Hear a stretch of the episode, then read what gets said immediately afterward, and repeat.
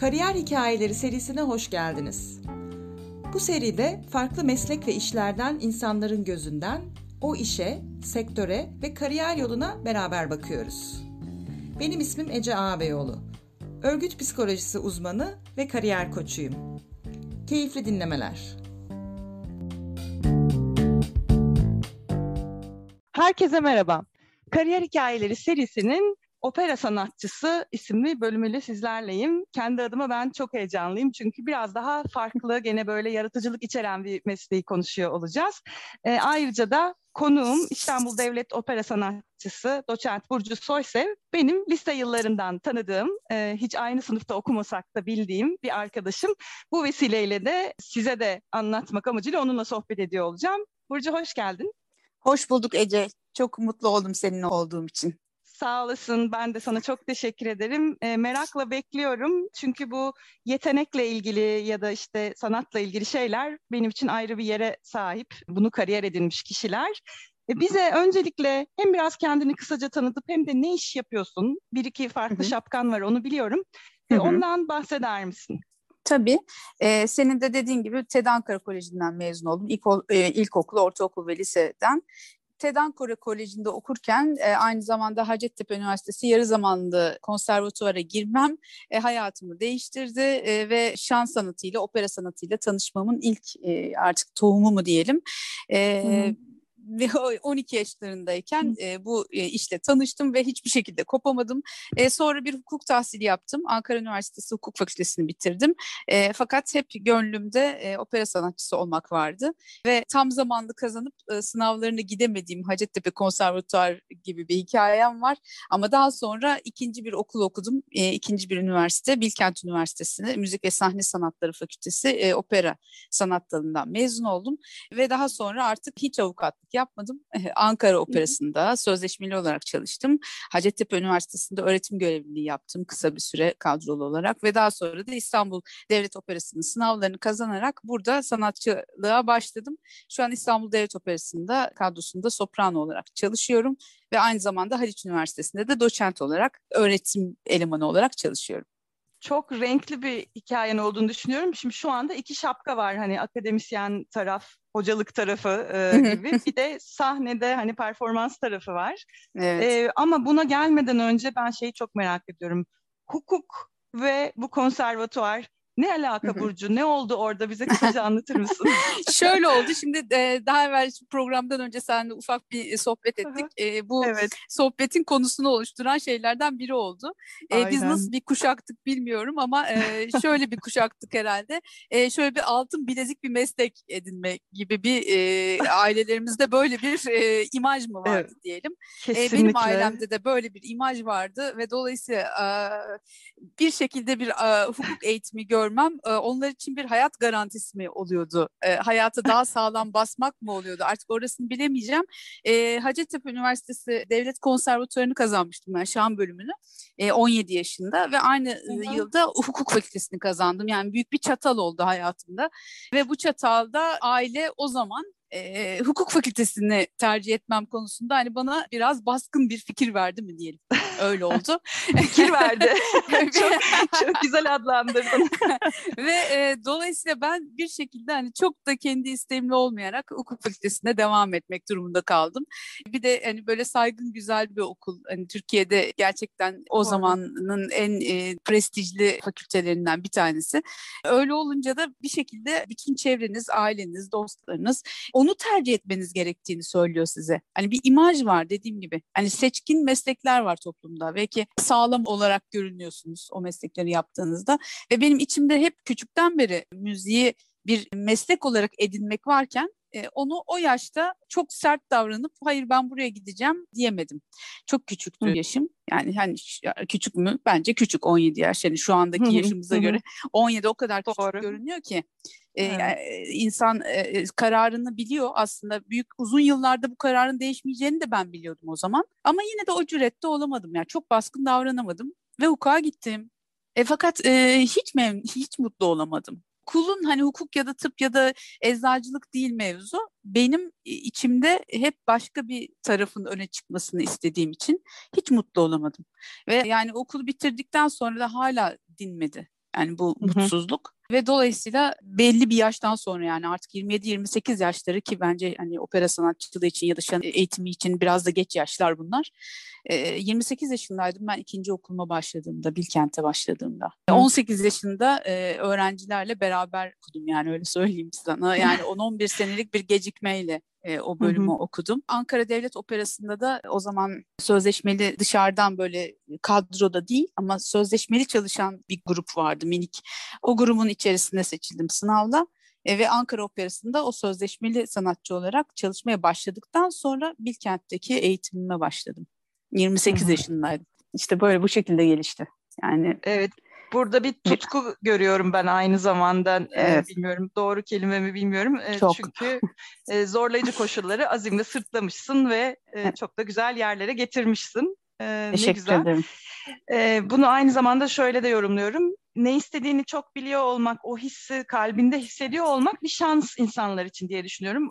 Uygun ol, olunmayan yerde olunsa bile o bir pusula gibi insana bir yön veriyor, ister istemez veriyor. Doğru. Ee, çok o sesin duyamıyor olmak belki bazen insanları yoruyor. E, ama bunlar da bunlar da başka yollar ve her yolun kendine göre anlamı var. Peki e, hemen şeye doğru bir atlamak istiyorum. Malum bir korona dönemindeyiz. Uzun süredir devam ediyor. Bir kere sizin sektörünüzü bu nasıl etkiledi? Opera tarafını tabii kastediyorum. E, tabii şu anda e, korona yön yani koronanın genel gidişatıyla ilgili durum operayı direkt etkiliyor. E, çünkü biz e, mesleğimizi insan karşısında e, yapabilen bir topluluğuz. Hani insanların o, o böyle ortak toplu alanlarda bizi seyretmesi ve onların o enerjisiyle bu işi yapabilen bir topluluğuz. Dolayısıyla şimdi kapalı mekanlarda bu kadar çok insan topluluğu bir arada olamadığı için bu bir senedir hemen hemen konserlerimizin o zaten halka açık bölümünü yapamıyor konumdayız. İnternet üzerinden, sosyal medya üzerinden bazı e, operanın girişimleri oldu. Yine bazı konserlerimiz oldu. Televizyondan yayınlandı opera sanatçılarının konserleri. Kültür Bakanlığı'nın kendi oluşturmuş olduğu YouTube kanalları ya da sosyal medya kanallarından bazı faaliyetlerimizi yaptık. Hani yapabileceğimiz ölçüde bu pandemiye ne kadar uyumlu olabilecekse o ölçüde bir şeyler yapmaya çalışıyoruz tabii ki. E, bundan Hı-hı. sonra da hani o girişimler sürecektir illaki. Bilmiyorum hani gidişata göre tabii ki biz de seyircilerimize kavuşmayı çok özlüyoruz ama şu durumda en önemlisi tabii en en önemlisi hayatta kalabilmek, sağlıklı kalabilmek. Doğru. Doğru. Bizi direkt etkiledi öyle diyebilirim. Anladım. Ee, o zaman bir uyumlanma gerektirdi. Bu işte nasıl bir kişilik ya da yaklaşım gerektiriyor sence? Onu da çok merak ediyorum. Yani hangi opera becerilere sanatçılığı. aynen öyle opera sanatçılığı hangi becerileri gerektirir ya da o becerileri geliştirmeyi gerektirir? E, opera sanatçısı e, şimdi tabii e, sahne üzerinde olan insan e, zaten hani başlı başına e, ne diyeyim sana bütün dikkatleri üzerinde toplamaya hani yatkın biri olabilmeli. Opera sanatçılığı pek çok şeyi de içinde barındıran bir meslek aslında. Müziğin altyapısını iyi hakimiyet gerektiriyor. E, oyunculuk gücünüzün gelişmiş olmasını gerektiriyor pek çok dinamiği var. Hepsini bir arada uygulayabilmek bir beceri. Yani bir tiyatro sanatçısına hı hı. yakın derecede belki bir oyunculuk ıı, üzerinde kafa yormak da icap ettiriyor diye düşünüyorum ben naçizane. E, çünkü e, artık günümüzde e, her şey gelişime uğradığı gibi o, opera oyunculuğu da yani operaya yönelik oyunculuk da bence gelişime uğramalı ve çünkü hani üç boyutlu e, filmlerin sinemanın bu kadar çok kitleye hitap ettiği bir dönemde biz de onlara çok uyumlanmalıyız diye düşünüyorum. Ve hı hı. opera sanatçısının da kendisini sadece hani şarkı söylemek zaten operatik anlamda şarkı söylemek bir derya. Yani bunun ben bir insan ömrüyle sınırlı olduğuna inanmıyorum mesela. E, çok e, büyük büyük bir derya. E, her hı hı. sene her sene milim milim milim milim gelişmeye açık bir derya. O şarkıcılık zaten insan ömrünü alan bir şey ve bulmaca gibi de bir şey. Hmm. Her gün yeni bir parçasını bulduğumuz bir bulmaca. O şarkıcılık kısmı işin gerçekten başka bir e, belki konu. E, onun dışında ama şarkıcılığın da dışında dediğim gibi belki oyunculuk üzerine çok kafa yormak gerekiyor. İnsan iletişimi ya da insanların önünde rahat davranabilmek e, üzerine belki biraz kafa yormak gerekiyor. E, çok dinamiği olan bir e, sanat diye düşünüyorum opera için. Harika. Hiç sıkıcı değil Burcu. ben dinlerken onu fark ettim. Uğraşacak çok malzeme var. Keşfedecek çok, çok var. şey var. Kesinlikle. Fırsat çok. Ee, demek evet. ki böyle çok güzel. Ee, peki senin bu işle ilgili en çok sevdiğin şey ne? Yani ben kendimi hep e, müzik yaparken tamamen kendi kimliğimi buluyormuşum gibi hissediyorum başka bir işe sahip olsaydım yani e, bu hukukçulukla ilgili ayrımdan bahsedersek yani niye hukukçuluk hı hı. değildi hani bunun üzerine bu kadar gittim dersen hani insan pek çok şeyi aslında yatkın hissedebilir kendini hayatında ama hı hı. benim için sanki sadece Burcu Soysev olup o imzayı atabileceğim şey müzik yaparken söz konusu olabilecekmiş gibi hissediyorum. Yani ve onu yaptığımda e, tamamen kendime ait bir tarzın olabildiğini hissediyorum. Yani o cümleyi belki hani herkes bir e, herkes şarkı söyler. E, her, herkesin kendine göre bir imajinasyonu vardır söylerken ve sizin de kendinize göre bir hayal gücünüz var o notaları çıkarırken. Ve o tamamen Hı-hı. size ait bir şey, bir imza gibi. Bu Hı-hı. nedenle kendimi en çok tanımladığım yer ve kendimi en çok ben hissettiğim e, yer e, müzik yaptığım yer olarak gördüm hayatımda. E, bu Hı-hı. yüzden de buna hep yön, yönelmek istedim. Evet, burada da bir anahtar görüyorum ben e, aslında kendi gibi hissedebilme duygusunu yaşamak ne iş yapılıyor olursa olsun insana herhalde bir e, hem özgürlük hem mutluluk hem performans veriyor diye tahmin ettim. Kesinlikle. E, Kesinlikle. Çok güzel tanımladın. Peki bu işi yapmak isteyenlere veya yeni başlayıp da tecrübesi az olanlara ne tavsiye edersin?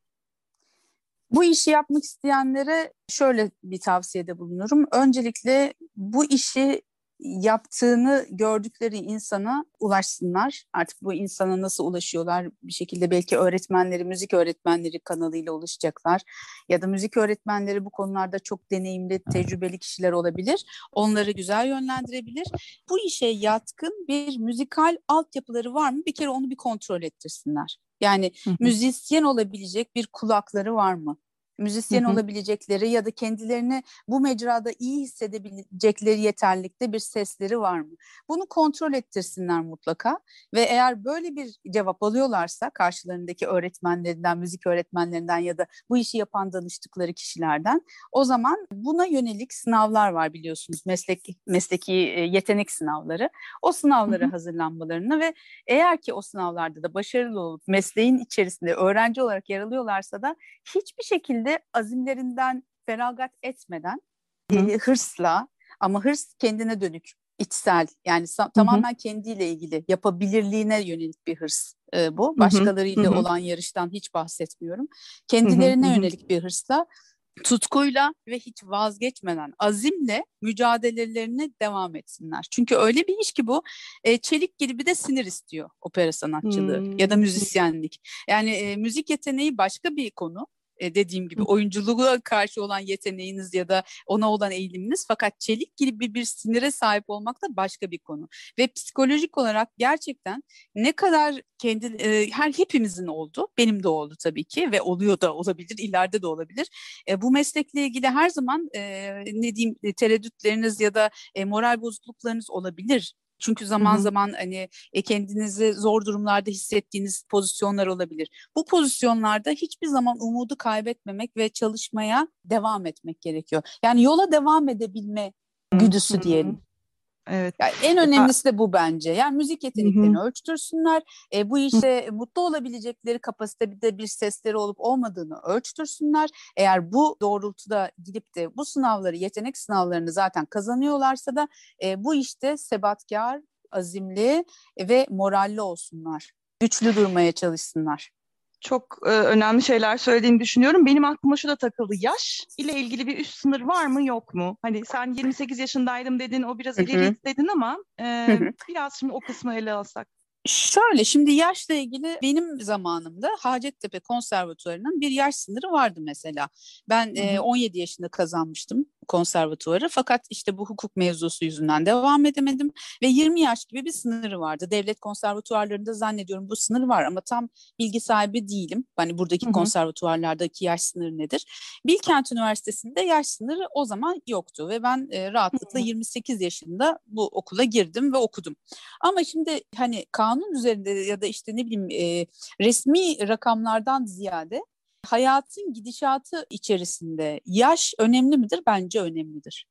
E, belli bir yaştan sonra çünkü her şeyde olduğu gibi şimdi daha evvelde e, bir yaşta yani daha 17 yaşındayken diyelim ki girmiş olsaydım sağlık koşulları başka koşullarda el veriyorsa çok farklı yerlerde de bulabilirsiniz kendinizi o zaman. Çünkü E, bir kere yaşınızın küçük olmasından kaynaklanan bir herkesin size karşı bir daha hoşgörü düzeyi yüksek oluyor. E, öğrenci hı hı. olmak ve yaşınızın küçük olması haya, hata yapabilmeye ol, olan meylini hı hı. artırıyor. Yani karşıdaki hı. insan size hata yapabilir çünkü öğrenen yaşı küçük biri olarak değerlendiriyor her zaman için. Siz de kendinizi böyle değerlendirirsiniz. E, yani yaşınız büyüdükçe hı. sizden beklentiler ve sizin de kendinizden beklentileriniz biraz artıyor. Geç yaşta bu işe başlamak bazı rötarları da yanında getiriyor ya da e, daha erken yaşta hani zaten şan gelişimi şöyle çocuk yaşta ya da hani blue çağında erkekler için özellikle çok verimli olmayabiliyor ama 17-18 yaşından sonra bir şan eğitimi için uygun bir yaşa geliyorsunuz. Yani çok da geciktirmemek gerek. Çünkü Hı-hı. hayatın da akışı içinde e, mesela genç opera şarkıcıları için benim dönemimde çok yoktu ama şu an genç opera şarkıcıları için çok güzel yarışmalar var kendilerini gösterebiliyorlar, bir yarışabilme deneyimi tanımlıyorlar. Birbirleriyle hani o anlamda rekabet edebiliyorlar ve psikolojik olarak bunun üstesinden gelebilecek platformlarda olabiliyorlar. Bunlar hı hı. çok önemli şeyler. Çünkü dediğim gibi sadece şarkınıza odaklanmak değil, işin bu psikolojik boyutuna da odaklanmak gerekiyor sahneye çıkmak için. Bir düşünün hı hı. yani sonuçta e, önünüzde seyirci var, yüzlerce insan seyrediyor. Aynı zamanda da meslektaşlarınız da sizi seyrediyor. Ve dolayısıyla hani siz o, evet. işin o boyutunda da hani hem e, kendinizi bu anlamda da güçlü ve rahat ve herkesin önünde rahat rahat şarkı söyleyebilecek hale getirmelisiniz. E, bu da bence yaşla, tecrübeyle çok fazla sahnede olmakla ve bir takım yarışmalarla mümkün olabilir. Dolayısıyla hani daha erken yaşta bu işin içinde yer almak biraz da bu pazarın içinde daha erken yer almak gibi de düşünebilirsiniz. E, evet, ve mücadele anladım. gücünüzü daha artıracak bir şey diye düşünüyorum. Evet, çok ha, güzel, detaylı. Mı? E, daha genç geç yaşta olmaz mı? Olur ama hani ben kendi e, tecrübelerimden söyleyeyim. Ben daha geç bir yaşta tekrar konservatuara girdim. Bir 10 yıl 11 yıl gecikmeyle girdim ve ben bu 11 10, 11 yılın gecikmesini psikolojik olarak kendimde hissettim mesela. 17 yaşındayken çok daha rahat rahat girebildiğim yerlere böyle bir yaştan sonra aman hata yapmamalıyım kaygısıyla daha yani ne diyeyim size kendimi belki daha baskılayarak ya da daha strese sevk ederek girdim bazı performanslarıma. Yani ben bundan etkilendim. Hı-hı. Herkes Hı-hı. etkilenir mi bilemem. Benim belki hani ne diyeyim Hı-hı. sana içsel durumum, karakterim Hı-hı. belki buna meyilliydi. Onu Hı-hı. da bilemem. Ama ben geç yaşta bu işe başlamaktan etkilendim. Öyle Anladım. söyleyeyim. O zaman kariyeri layıkıyla ve full performanslı yaşamak için belki erken yaşta hemen kalkışmak çok iyi. E, evet. İleri yaşta isteyen varsa da bu zorlukları önden düşünerek, göze alarak vesaire e, bakmalı e, konuya gibi bir çıkarım yaptım Kesinlikle. ben de Yani yetenekleri varsa Hı-hı. yine de ben ısrar etmeleri gerektiğini düşünüyorum. Dediğim gibi yine tekrar parantez açayım. Bu benim kendi karakterime dair belki bir Hı-hı. durumdur. Belki başka bir insan bunu yaşamayacaktır. Ya bu da olabilir ama Hı-hı. ben yaşadım bunun zorluklarını öyle söyleyeyim. Yani benim açılmam ve kendimi daha rahat Hı-hı. hissetmem için çok yıllar yıllar ve performanslar gerekti. Evet. Ee, ama kişiden kişiye de değişebilen şeyler bunlar. Değişebilir ama tabii dinamikler de bunlar çok güzel oldu bunları konu etmek. Şimdi buradan şeye doğru geleceğim. Pek çok gencin belki yaşadığı, bizim zamanımızda daha çok yaşanan bu ailelerin Hı. hani altın bilezikli iş istemelerinin bir sebebi de tabii ki maddi getiri, hani finansal olarak kendi ayakları üzerinde durabilmek gibi şeyler. Hı hı. Bu yola çıkan birisi için ya da işte opera sanatçısı olmak istiyorum diyen birisi için bu gelir kısmı nasıl, geçinme kısmı nasıl, maddi getirisi sence nasıl? Şöyle şimdi e, opera sanatçısı olarak ülkemizde devlet operalarında yer alabilirseniz tabii ki bunun bir size bir gelir olarak yansıması olacaktır. Devletin sanatçısı olduğunuzda. İşte, tabii Türkiye şartlarında bunu yakalayabilmek de son yıllarda epey bir zahmetli bir hale geldi. Çünkü açılan sınavlar hani ya da mezun olan öğrencilere göre alınan kişi sayıları biraz daha sıkıntılı diyebilirim. Hani daha fazla insan alınırsa, daha fazla opera açılırsa e, ve gençlerimiz bu operalarda daha çok yer alabilecek hale gelirlerse durumlar değişebilir. Şu anki hı hı. durumlar birazcık hani fazla fazla öğrencilerimiz mezun oluyor çünkü fazla da konservatuvarlar açıldı. Ya, özel ve devlet konservatuvarları ve buralardan mezun çocuklarımız var. Fakat e, açılan sınavlar bu çocuklarımızın hepsini istihdam etmeye yetiyor mu? Şu anda pek yetmiyor. E, hı hı. İleride inşallah bu değişir ve çok e, bütün mezunlarımız e, hemen hemen bütün mezunları çünkü bunların bu çocukların hepsi spesifik bir sanat eğitimi görüyorlar. Evet. Ee, başka bir şey yapamayacakları üstelik bir eğitim görüyorlar. Yani bir opera sanatçısı e, tabii ki kendi özel e, ilgi alanı ve yeteneğiyle başka performanslar yapabilir mi? Yapabilir ama bu çocuklar bunu tercih etmeyerek bunlara buralara geliyorlar. Yani sadece hı hı. opera şarkıcısı olabilmek için bu eğitimleri alıyorlar. Dolayısıyla bu buralardan mezun olduklarında yani direkt bir iş bulabilecekleri ortamın hazırlanmasını tabii ki ben de çok isterim. Buna yönelik umarım daha çok adımlar atılır. Atılacağına da inanıyorum. Evet, bu da ayrı bir konu olurmuş, başlık olurmuş. Bu kısmını ben çok merak ettim Burcu. Sonra başka bir sohbette belki konuşuruz. Tabii hay hay. Ee, hay, hay. Evet yani sektörün açılım ihtimalleri, yatırımlar vesaire gibi tarafa Şöyle, gitti. Şöyle tabii biraz daha da geniş düşünürsek e, şimdi e, dünya biliyorsun o kadar her şey her yer birbirine yakın ki. Yani Çin'de korona çıktı ve bir, iki gün sonra İtalya'da çıktı neredeyse. Hani abartıyorum Hı-hı. ama yani dünya bu Hı-hı. kadar yakınken birbirine tabii ki şu da var. Bizim zamanımızda artık o yaşlara geldik mi bilmiyorum bizim zamanımızda deme. E, bizim zamanımızda bu kadar hani yurt dışında net iletişim kurabileceğimiz ağlar bu kadar gelişkin değildi. Şimdi bu çocuklar Hı-hı. için tabii ki opera çok internasyonel bir sanat olduğu için e, başka ülkelerde gidip dinletiler yapabilmek, auditionlara katılabilmek ve seçilebilmek şansları da var bu çocukların. Ve hani hmm. o düzeylerde eğitimlerde görebilme şansları da var. Çünkü dünyanın her yerinden yetenekleri açık bir algı da var. Şimdi bu da onların avantajı. Hani bizim zamanımızda çok da olmayan avantajları. E, evet. Tabii ki devlet e, operalarında yer alabilmek, hani bu eğitimleri gören kişilerin hepsinin e, bence layık olduğu bir şey. İnşallah da bu olur. E, ama hı hı. E, işin bir de bu kısmı var. Sonuçta bu uluslararası bir sanat. Hani güzelliği de orada. Dünyanın her yerinde bu sanatı güzel yaptığınızda bir karşılığı var. Hani böyle şansları da yüksek ve iletişim olarak da hani e, sosyal medyayla da her e, şekillerde de başka ülkelerle anında iletişim kuruyorsunuz. Bütün sahneleri hı hı. dinleyebiliyorsunuz. E, oradaki bütün performanslar hakkında, dünyadaki tüm sanatçılar hakkında istediğiniz bilgiye sahip olabiliyorsunuz artık. Bir de böyle bir güzelliği var. Bütün kayıtları dinleyebilirsiniz. Kim ne söylemiş her şeyi, bütün örnekleri. Ve hmm. herkes birbirine çok yakın bu anlamda. Böyle avantajlar da var. Bu güzel, evet. Peki evet. geleceğe doğru baktığında ben mesela şöyle düşünüyorum dışından birisi olarak yapay zekanın pek etkilemeyeceği sektörlerden biridir gibi geliyor bana. Sanki bana Bilmiyorum, da öyle geliyor. mıyım? Sanki bana da öyle görünüyor? geliyor. yani e, tabii hani e, bir bilim adamı kadar teknoloji hakkında hani hakem kesecek hiç hiç öyle bir halim yok ama sanki e, hani benim bu mesleği seçerken ki hissiyatımın işte bundan da kaynaklandığını düşünüyorum. Pek çok şeyi hani bilgisayar programlarıyla çok mükemmel şekilde yapabilirsiniz. Yani sesi de bilgisayar programlarıyla mükemmel çıkarabilirsiniz ama bazen o mükemmel denen şey güzel olmayabiliyor. Çünkü güzel olan şey hmm. belki de birazcık hata ve insana özgü bir hani kusur da barındırabiliyor. Anlatabiliyor evet. muyum? Yani evet. o yüzden insanın yaratıcılığı bence hani daha üst planda olan, hmm. yaratıcılığın daha üst planda olduğu mesleklerden bir tanesi. Yani bilgisayarlara aktarılıp hani böyle çok o organizmanın bozulamayacağı öyle söyleyeyim. O yüzden Doğru. E, sanki sanki e, e, yapay zekayla da olmayacakmış gibi de geliyor bana. Yanılıyorsam evet. da bilmiyorum. Evet, ben de katılıyorum çünkü biraz ürün ve hizmet kategorisinde bir şey değil bu aldığımız. Biraz e, duygularla ilgili, etkileşimle ilgili bir sektör ya da iş olduğu için insani tarafıyla tamamen işlevini bulan bir şey. O yüzden ben de e, öyle düşünüyordum. Güzel içeriden birinin de böyle söylemesi daha Hı-hı. iyi oldu. E, peki çocukken yani sen küçük yaşlardan beri bunu hayal ettiğini söyledin ama bu işi yapmadan önce çok küçüklük hayallerinde farklı bir şey var mıydı hiç yoksa hep bu mu vardı? Hep bu vardı. Kendimi bildim bileli bu vardı. Benim babaannem e, radyo sanatçısıydı rahmetli. E, Ankara Radyosu'nun kemal sanatçısıydı. Babam da Türk sanat müziği bestekarı ve aynı zamanda ut çalıyor. Yani benim ailemde zaten bir müzisyen temeli var.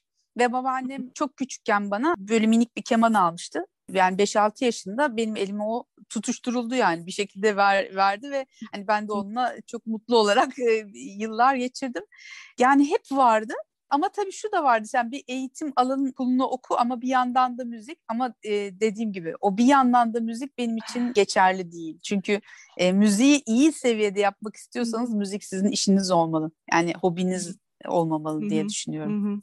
O yüzden hani oldum olası niyeyse vardı. Harika. Evet, Bu da yani dinleyenler için de söyleyeyim, sana da söyleyeyim. bu seride konuklar genelde küçükken başka bir şey hayal ettiklerini söylüyorlar. Seninki bir ilk oldu. En baştan itibaren bunu hayal ediyordum. E, kendini gerçekleştirmenin en iyi örneği bence. E, güzel denk geldi. evet. Burcu'cum çok teşekkür ediyorum. Benim sorularım ben bunlardı ama başka bir şey, senin eklemek istediğin bir şey var mı? Şu an e, ben e, yani sorularını çok teşekkür ederim. Bence hepsi çok kapsamlıydı ve e, olabildiğince kendimi ifade etmeme yardımcı oldu. E, benim şu an aklıma başka bir şey gelmiyor. Dediğim gibi e, bu işi seçmeye yönelik insanların hep sebatkar ve azimli olmalarını ve bu işte e, kararlı olmalarını ben tekrar öneriyorum. E, benim de diyebileceklerim şu anda bu kadar. Çok teşekkür ederim e, hazırladığın sorular ederim. için ve çok güzeldi benim açımdan. Teşekkür ederim. Ben de teşekkür ederim. Kendine çok iyi bak.